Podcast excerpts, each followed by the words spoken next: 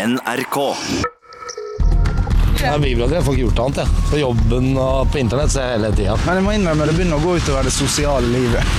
I 2001 blir realityshowet Big Brother det store samtaleemnet. Ramsi! Altså, han da, han er jævla kul. Ja, nei, jeg er venninne. da. Vi ser jo på to ganger for dagen. Og så diskuterer vi litt imellom eh, første sending av Året priser, og så diskuterer vi etter repriser igjen. For første gang får folk se ekte sex på TV. og det var peak Big Brother-interesse, så vil jeg si at det nesten var psykotisk. Den nye leken i skolegården på Follne skole har bekymret foreldrene. Her ble noen elever stemt ut etter Big Brother-prinsippet. Jeg husker at jeg syns, jeg syns det var veldig mye rart som skjedde der inne, som jeg ikke hadde trodd på hvis jeg ikke var der inne selv.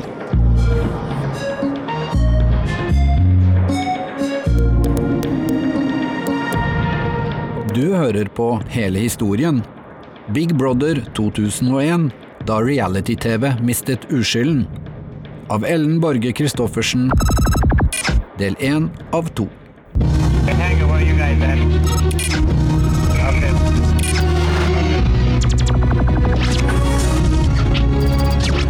Og så gikk jo TV Norge utrolig dårlig. I år 2000 er Eivind Landsverk nyansatt programdirektør i TV Norge, på den tiden Norges fjerde største TV-kanal. Der får han en stor og vanskelig oppgave. Det gikk jo med underskudd på underskudd på underskudd år etter år etter år. TV Norge må snu de blodrøde underskuddstallene til suksess, ellers overlever kanskje ikke kanalen. Ja, det var ingen god stemning. Eh, du, er, du kan jo ikke drive i årevis eh, med underskudd. Det, det skjønner alle. Norsk TV er på denne tida helt i barndommen av reality-programmer. Eivind Landsverk vil gjøre noe banebrytende. Jeg begynte å se etter hva i all verden er det vi kan gjøre for å attrahere et yngre publikum som vi kan tjene penger på. Så i år 2000 drar han til Nederland for å se nærmere på et helt nytt konsept med stor suksess. Det heter Big Brother. De vinner van Big Brother is geworden Bart. Jeg ble så imponert av det jeg så.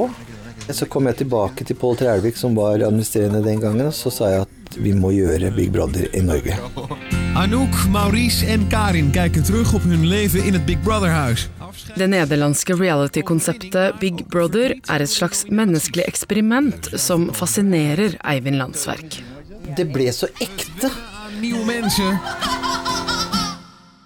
Basert på ideen om at storebror alltid ser deg, stenges en gruppe unge mennesker inne i et hus i 100 dager med kameraovervåking overalt.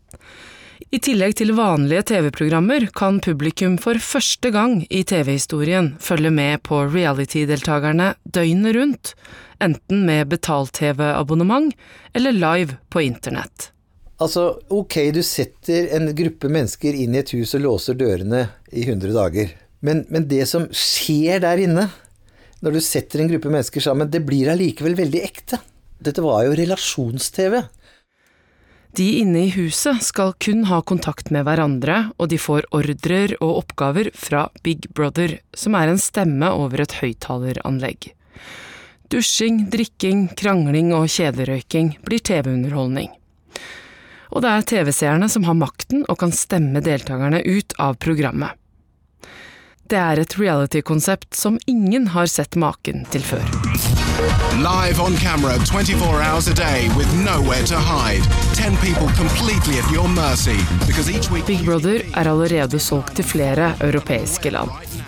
Og så, høsten 2000, sprekker nyheten om at TV Norge også skal sende det omdiskuterte programmet i Norge den kommende våren.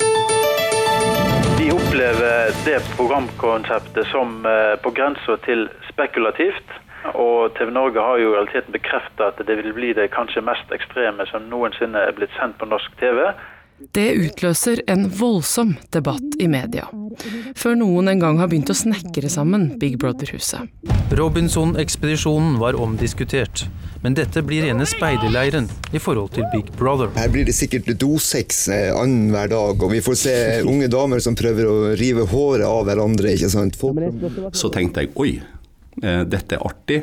Eh, nå kommer det til å bli bråk. Dette må jeg følge med på. Den unge, nyutdanna medieviteren Alex Iversen har akkurat skrevet hovedoppgave om reality-TV da nyheten kommer. Det vi ikke hadde sett før, var mennesker plassert i en glassbolle eh, og overvåka. Eh, og navnet Big Brother eh, ga jo assosiasjoner til George Orwell sin roman. Eh, og eh, alle de konnotasjonene det gir til, til eh, et totalitært samfunn. Du bist nicht allein. Under dette slagordet sendes et titalls ungdommer inn i et containerhus. De jubler, vel vitende om at de kommer på TV, og at de skal overvåkes i ukevis med kameraer både på toalettene og i soverommene. Mens seerne blir både kikkere og deltakere. Trykk en tast og bestem hvem som skal ut. Eivind Landsverk i TV Norge. Uh, hele Medie-Norge, avisene kasta seg på. Det ble jo drittsekk-TV, det var uh, søppel-TV. Dette var jo et forferdelig konsept uh, som aldri burde gå på, på lufta. Begrepet drittsekk-TV blir skapt i Bergen av barneskolerektor Omar Mekki. Jeg syns det er et godt begrep på TV-program der det å opptre ugreit, eh, med mangel på respekt og med baksnakking, og at det er en type drittsekk-atferd. Så jeg er godt fornøyd med begrepet. Nyheten om Big Brother opprører lærerne på Skranevatnet skole og inspirerer rektoren til å gå til aksjon. Vi hadde bestemt noe som het vennskapsloven for barnetrinnet, og hadde diskusjoner med ungdomsskolen på hva hva er å være en god kamerat, hva er å være en god medelev, en god medborger. Og så kommer Big Brother deisende og signaliserer de stikk motsatte verdiene med egoisme og sjikane og baksnakking og utstemming. Omar Mekki og mange med han vil at Big Brother skal sendes sent på kvelden etter leggetid. Han lager et opprop mot Big Brother og reality-TV generelt, og så skriver han et innlegg om drittsekk-TV i Bergens Tidende. Det leser medieviter Alex Iversen. Eh, det føltes litt, tror jeg, som når en tennisspiller ser at ballen henger over nettet, og du bare kan smashe inn eh, ballen. Alex Iversen blir en av de få utenfor TV-produksjonen som offentlig bejubler Big Brother-konseptet som TV-underholdning, og blir dermed den perfekte motstemmen i tabloidene. Han skjønner at han har en mulighet til å komme seg på banen, og kliner til. Jeg eh, argumenterte for at Hotell Cæsar var bra for barn, som var overskriften i, eh, i den, eh, på den artikkelen. Som òg var illustrert med en, en, litt yngre Alex Iversen som var helt svartkledd. Litt bakfull, og, og, som det ikke akkurat lyste empati for barns velferd av. Jeg sa at Big Brother har fått til det som Bondevik ikke fikk til med sin verdikommisjon. Nemlig å skape en bred offentlig debatt om moral og verdier. Så en ting er er det god TV, er det nybrottsarbeid, er det spennende? En annen ting, og mitt poeng var er dette bra for samfunnet, er dette bra for den oppvoksende slekt? Lærere, politikere og TV-bransjen selv, omtrent alle står i kø for å mene noe om hvor moralsk forkastelig det er å sende programmet i Norge. Og det er ikke bare i Norge det går hardt for seg. Den tyske innenriksministeren, presidenten og flere biskoper har protestert mot sendingene de kan mene hva de vil. Det er dette som selger.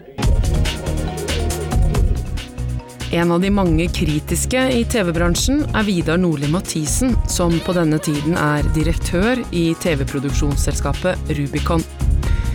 Rubicon er selskapet som i første omgang får tilbudet om å lage Big Brother for TV Norge. Først blir Nordli Mathisen invitert til skaperen John de Moll i Nederland. Eh, jeg oppfatter han nok litt som en sånn glatt bruktbilselger, en ekstremt kommersiell fyr. Ganske kynisk også. Nordli Mathisen får moralske betenkeligheter.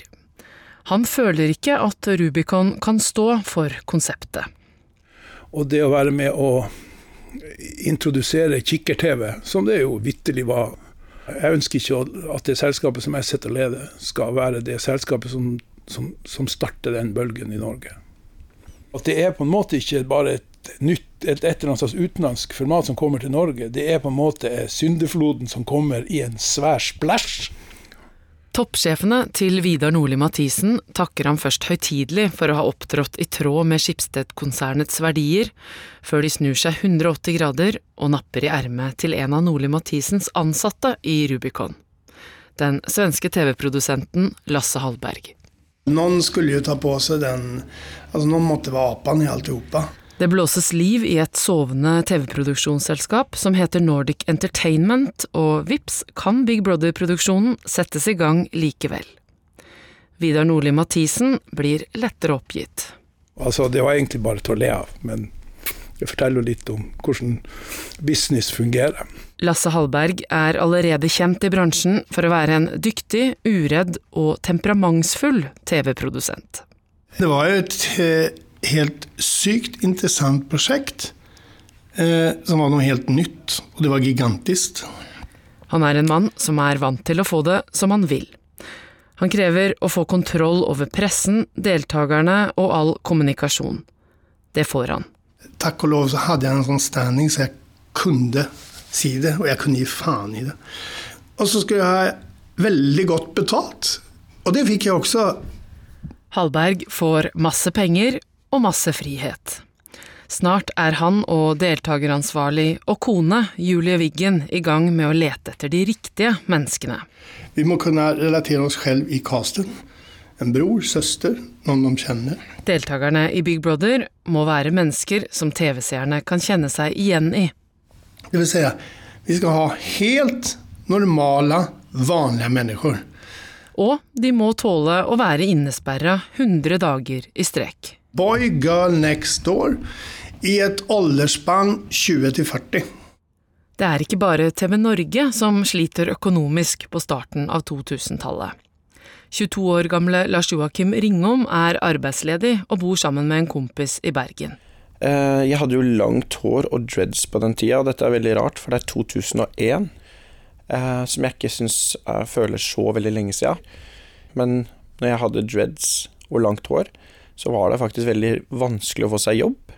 Han har ingen utdanning, og arbeidsmarkedet er trått. Jeg søkte på masse jobber, i barnehager, og eh, fikk ingenting, egentlig. Så var jeg ikke så veldig kvalifisert til så mye, mye heller, da. Så får Lars Joakim med seg at det nye realityshowet Big Brother søker deltakere. 100 dager. 10 deltakere. 1 million kroner. Én vinner. Jeg tror jeg bare var litt sånn eventyrlysten, rett og slett. Han er ikke alene om å la seg fascinere. Til tross for all den negative oppmerksomheten i media, søker over 4000 unge voksne nordmenn om å få bli deltakere. Kanskje er det en faktor for mange at førstepremien er på rekordstore 1 million kroner. På den ene sida så var det jo milliongevinsten. Den var liksom veldig gulrot. Og så var det Jeg syns det var noe veldig spennende med det. Tenkte kanskje ikke at det var så farlig. Lars Joakim, som aldri blir innkalt til jobbintervjuer, får plutselig napp og får komme på et deltakerintervju på Hotell Norge i Bergen sentrum. Der er Lasse Hallberg. Og han kom inn med dreadlocks. Han var ganske kul. Lars Joakim møter også en smilende deltakeransvarlig, Julie Wiggen. Og det var hun som hadde mesteparten av intervjuet. Jeg ble litt nervøs, for bak der så satt jeg Det var liksom sånn som en sånn skummel film. Det var sånn I bakgrunnen satt eh, Lasse Hallberg, da. Jeg var jo den som skulle skremme han. Altså, jeg ble jo den som skulle skremme han, for måtte, vi måtte jo også teste tåler han det her. Og han satt liksom bak der, litt sånn i skyggen og med en sånn gulltann. Og den svenske aksenten hans. Eh, jeg tenkte mer kommer han å tåle trykket? Etter at Lasse Hallberg og kona har plukket ut sine 40 favoritter, er det den svenske psykologen og relasjonseksperten Eva Russ som gjør dybdeintervjuer. De 40 skal bli til 10, som til slutt skal inn i huset. Jeg kommer ihåg jättemycket av Lars Joakim. Han eh, blommade liksom upp under intervjun og hadde en intensiv blikk, minns jeg, og, og hadde otroligt fina filosofiska funderingar och tankar kring livet och meningen med livet och sig själv. Så jag, du ser, jag får nästan tårar i ögonen nu. Russ har allerede jobbet en sesong med den svenske Big Brother, og vet godt hva slags typer hun ikke velger ut. Ja, det var till exempel lite yngre människor som på något vis kanske var ute lite splittrade, lite emotionell, känslomässig obalans men utåtagerande som gärna ville visa upp sig, frika ut, som var beredd att göra massa olika chansningar och sådär för sin egen skull, för att bli kändis. Och jag måste säga, de är knäppa, de kan inte vara med.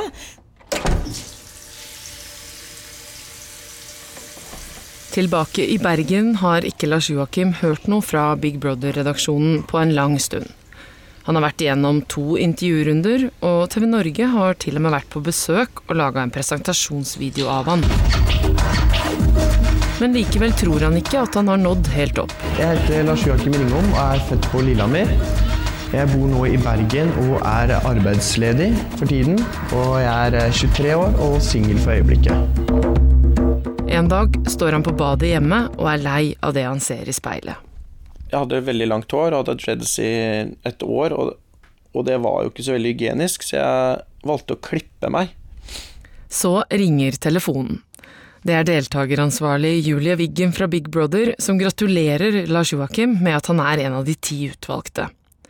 Lars Joakim tenker umiddelbart på hårklippen. Forsiktig spør han om det er greit at han klipper av seg dreadsene fordi de klør sånn. Og så sa han du må ikke finne på å klippe deg, vi har solgt inn profilen din til TV Norge, og vi har laga et portrett om deg. Heldigvis finner Lars Joakim en løsning på problemet. Jeg hadde ikke kasta dreadsene, de lå fortsatt på baderomsgulvet. Så jeg henta de, og så sydde jeg det fast i en lue. Og så tok jeg på meg den lua, og samme kveld så traff jeg noen kompiser. Og når de ikke så at jeg hadde klippet meg, for jeg tok ikke av meg lua, da tenkte jeg at når folk som kjenner meg ikke ser at det her er løshår, da kjøper sikkert de det også. Til tross for knalltro på Big Brother-prosjektet, kjenner produksjonsteamet, og kanskje spesielt TV Norge, nå på et stort press om at de må lykkes. Produsent Hallberg. Eh, Mislykkes det, så er det jo et utrolig dyrt eksperiment. Men hvordan kjente du på det presset? Nei, Du kan ikke tenke på det. Det, er, det, det blir helt jeg tror, ikke, jeg tror, ikke, Ronaldo går ut på fotball Nå skal jeg ikke gjenføre med Ronaldo, men jeg tror ikke han går ut på fotballbanen og tenker hvor mye, mye klubben har betalt for han, eller annonsøren har betalt for han. Jeg tror ikke han blir noen bedre spiller av det. Men det er grunn til bekymring. For uansett hvor nyskapende Big Brother er, så er det få som har lyst til å annonsere på drittsekk-TV. Og rett før sendestart har Big Brother ingen sponsorer. Eivind Landsverk i TV Norge kjenner på nervene. Helt klart. Innimellom så kan man vel også ha sine tvil om dette er riktig. Men jeg var ganske sikker på at dette var riktig. Bortsett fra å få sydd fast dreadsa i lua, så får ikke Lars Joakim gjort de helt store forberedelsene før han skal stenges inne på Fornebu. Og han har dårlig råd. Jeg lånte jo penger av venner for å kjøpe liksom basisvarer å ha der inne, som sjampo og tannbørste og Jeg husker liksom kjøpte en genser til 600 kroner. For jeg var vant til bare å kjøpe sånne billig kappallting, på en måte. Så jeg tenkte nå skal jeg jo på TV for å kjøpe ett kult plagg. Lars Joakim møter noen barndomsvenner i Oslo før han i hemmelighet skal til Big Brother-huset. Han har fortsatt på seg dreads-lueparykken og har ikke lov til å si hva han skal være med på. De sitter på kafé på Grønland da de kjører forbi en taxi, heldekt av Big Brother Norge-logoen. Og så sa de sånn Tenk på hvor tjukke i huet de som melder seg på det her, og de som skal være med på det her. De var helt dust i huet. Jeg sa jeg fortsatt ingenting. Men så sa de også Men det hadde vært veldig kult hvis det var noen fra Lillehammer som var med. Da. Noen vi liksom visste hvem var. Det hadde vært kjempegøy.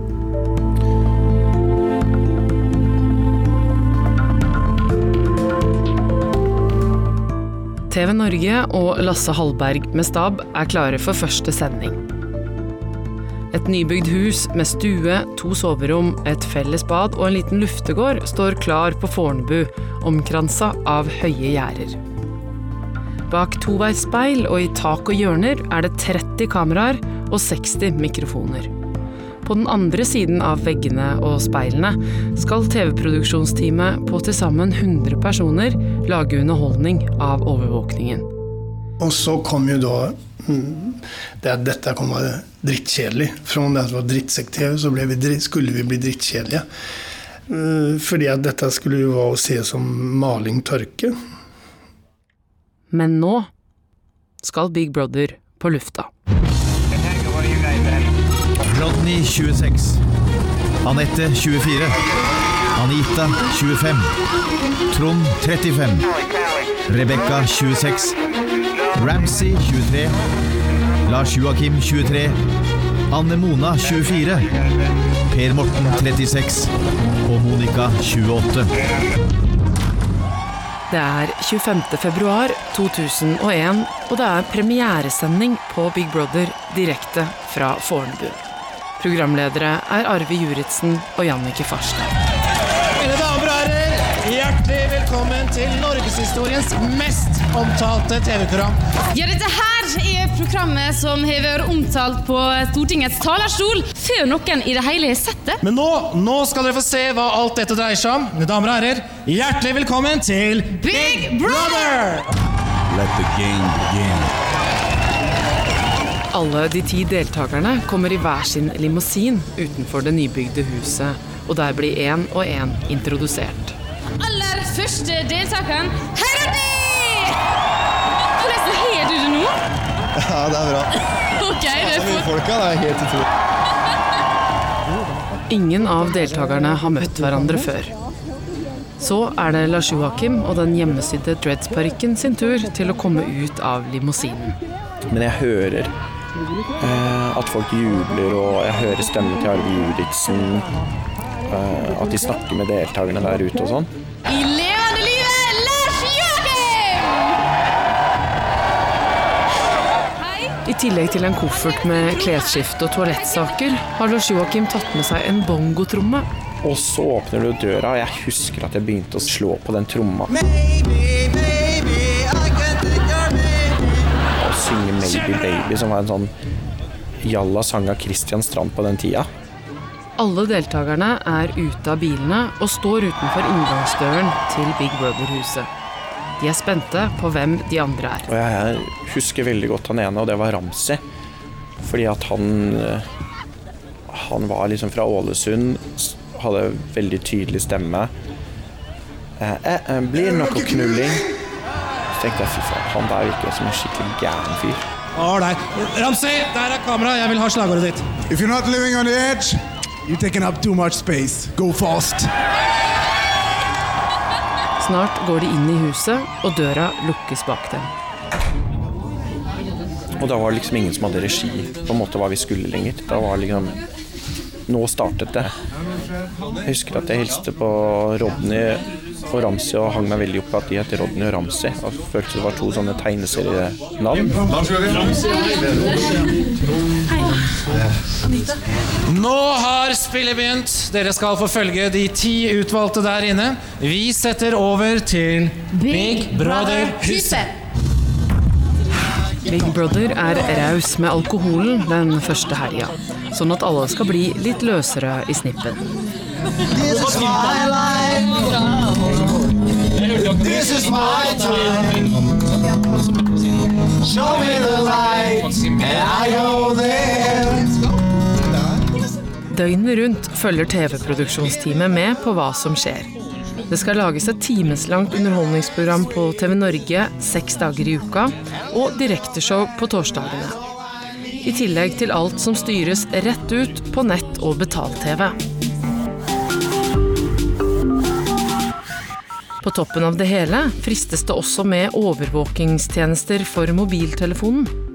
I 2001 er det Nokia 3310 og polyfoniske ringetoner som gjelder. Og for ti kroner i minuttet kan du kjøpe Spylines. Ring og hør din favorittdeltaker med Spylines. Du har tilgang på alle deltakernes mikrofoner, hvem du vil og når du vil. Du kunne pricka inn alles mikrofoner. Det kostade visserligen lite utav öje för de abonnenter, men det var också helt nytt teknologiskt. Så det var, du var liksom bombad av alt. Du kom ikke undan det.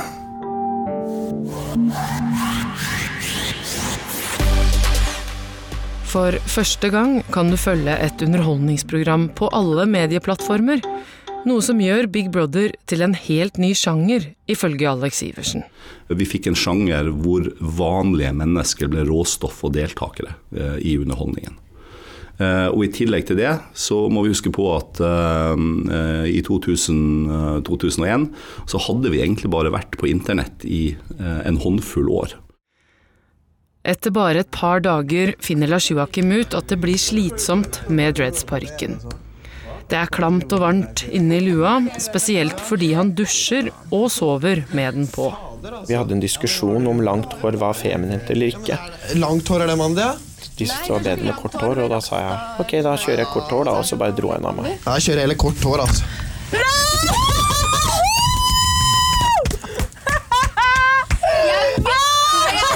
Den er sikkert bare fake. Jeg mister det. Å, mamma. Der hvor amerikanerne i sin første sesong av Big Brother dusja med regnjakker for å gjemme nakne kropper, viser de norske deltakerne særdeles lite sjenanse. Produsent Lasse Hallberg skvetter i stolen. Redan innan, innan 24 timer de hadde vært der, så var de ikke genert for hverandre. De stod helt åpent naken innenfor varandra. Eh, Och det sker jo ikke ens eh, i et omkledningsrom med bare kvinner, bare menn alltid. Så det var en total usjenanse som Oj, herregud. Og noen syns. Jeg vet en scene hvor Rodney står i duschen, så går han ut, så torkar han, så står, Jeg tror jeg Anita, hun står og, og sminker seg i spejlet, så hun har hele speilet. Og så sier Ronny, kan du ta håndkleet? Det blir så jobbigt å se den. Men at det er slitsomt, syns ikke kikkerglade Ola og Kari Nordmann. Internettbruken eksploderer umiddelbart. Du, din lille snik. Nå må du vente på kø, da. Nei, jeg, jeg sa jeg skulle dusje etter Anette. Det gikk vel eh, et par-tre dager, tenker jeg, så fant vi ut at vi skulle sperre for akkurat den tjenesten, da. Så, så det gjorde vi jo. Nettverksansvarlig i NRK, Ulf Pettersen, merker at det treige internettet i 2001 bryter sammen akkurat mellom halv ti og halv elleve på formiddagen. Flere store offentlige etater i Norge, bl.a. Stortinget, opplever det samme. Det er artig nok akkurat da det er varmtvann i dusjen i Big Brother-huset. Ja, Vi hadde jo litt moral, og det må jeg jo innrømme. Så kommer de første seertallene. TV Norge har håpa på over 250 000 seere. Men da målingene kommer, får Eivind Landsverk sjokk. Når vi trodde ikke at det var mulig. Vi hadde vel over 700 000 seere. Men vil suksessen vare for TV Norge? For hvor spennende kan det være å se veldig vanlige folk gjøre veldig vanlige ting i 100 dager? Jeg har bytta skillside i dag. Jeg tror faktisk det er mer naturlig at jeg skal ha skillen på den siden her. Jeg så på det i stad, du passet det faktisk. Du har hørt første del av Big Brother 2001 av Ellen Borge Christoffersen. Lyddesign Kjetil Hansen og produsent Line Alsaker.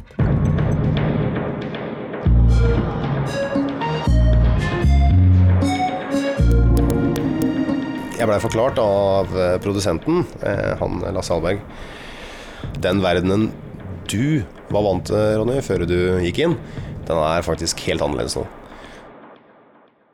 NRK.